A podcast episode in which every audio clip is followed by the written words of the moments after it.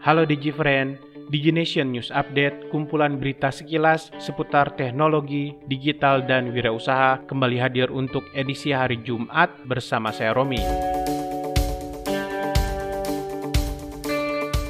Instagram baru saja meluncurkan beberapa fitur baru berupa stiker untuk mendukung keberlangsungan UMKM di masa pandemi COVID-19. Wakil Direktur Grup Bisnis Global Asia Pasifik Instagram Karen Theo mengungkapkan, UMKM merupakan bagian penting dari pengguna Instagram dan sebagai langkah meminimalisir tantangan yang muncul akibat COVID-19, Instagram berusaha meluncurkan fitur-fitur dan inisiatif baru untuk membantu mempertahankan keberlangsungan bisnis UMKM. Fitur pertama berupa stiker pesanan makanan untuk membantu para pemilik rumah makan menyambungkan calon pembeli ke platform GrabFood atau GoFood. Selain itu, Instagram juga meluncurkan stiker bertulis bantu bisnis kecil. Fitur ini sebagai bentuk dukungan kepada UMKM untuk memasarkan produk mereka. Pelaku usaha yang menggunakan stiker ini akan otomatis masuk dalam fitur stories dan akan terpasang pada kolom pertama stories para pengguna Instagram. Instagram juga menjalin kemitraan dengan beberapa startup lokal seperti Tada, Moka, dan Gojek dalam penjualan gift card atau kupon diskon untuk membantu UMKM memasarkan produk mereka dengan kupon potongan harga. Fitur gift card ini bisa ditambahkan di stories atau berupa tombol tindakan di profil bisnis yang bisa digunakan pengguna Instagram untuk mendapatkan kupon diskon.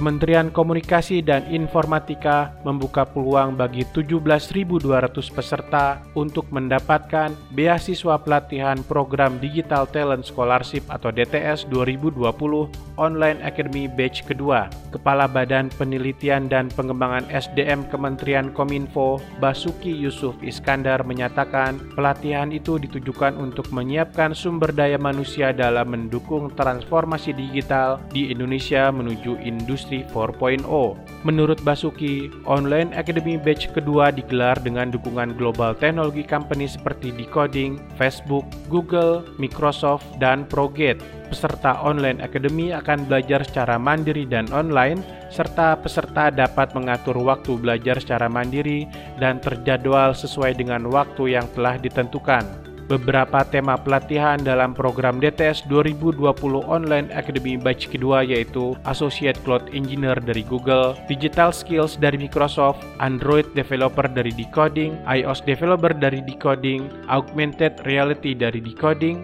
Programming, HTML, CSS, dan JavaScript dari Proget, serta Digital Entrepreneurship dari Google dan Facebook. Pendaftaran sudah dibuka mulai tanggal 12 Mei 2020 sampai tanggal 31 Mei nanti. Pelatihan akan dimulai minggu kedua bulan Juni 2020.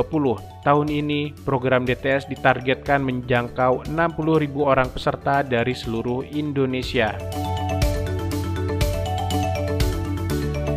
Salah satu perusahaan proteksi cyber internasional, Shield, akan menyediakan solusi khusus mitigasi bot atau yang diberi nama Bot Shield secara gratis selama 60 hari untuk mobile application.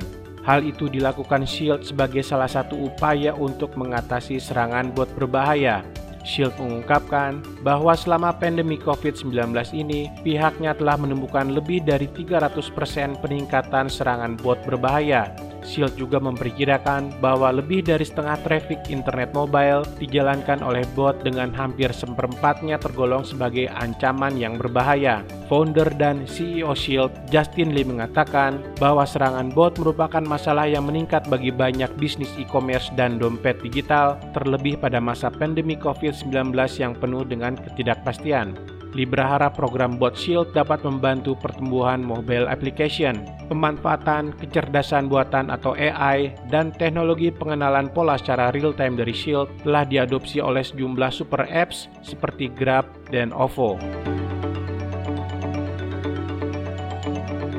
Demikian rangkaian DigiNation News Update kali ini. Untuk informasi seputar teknologi, digital, dan wirausaha lainnya, silahkan cek www.digination.id.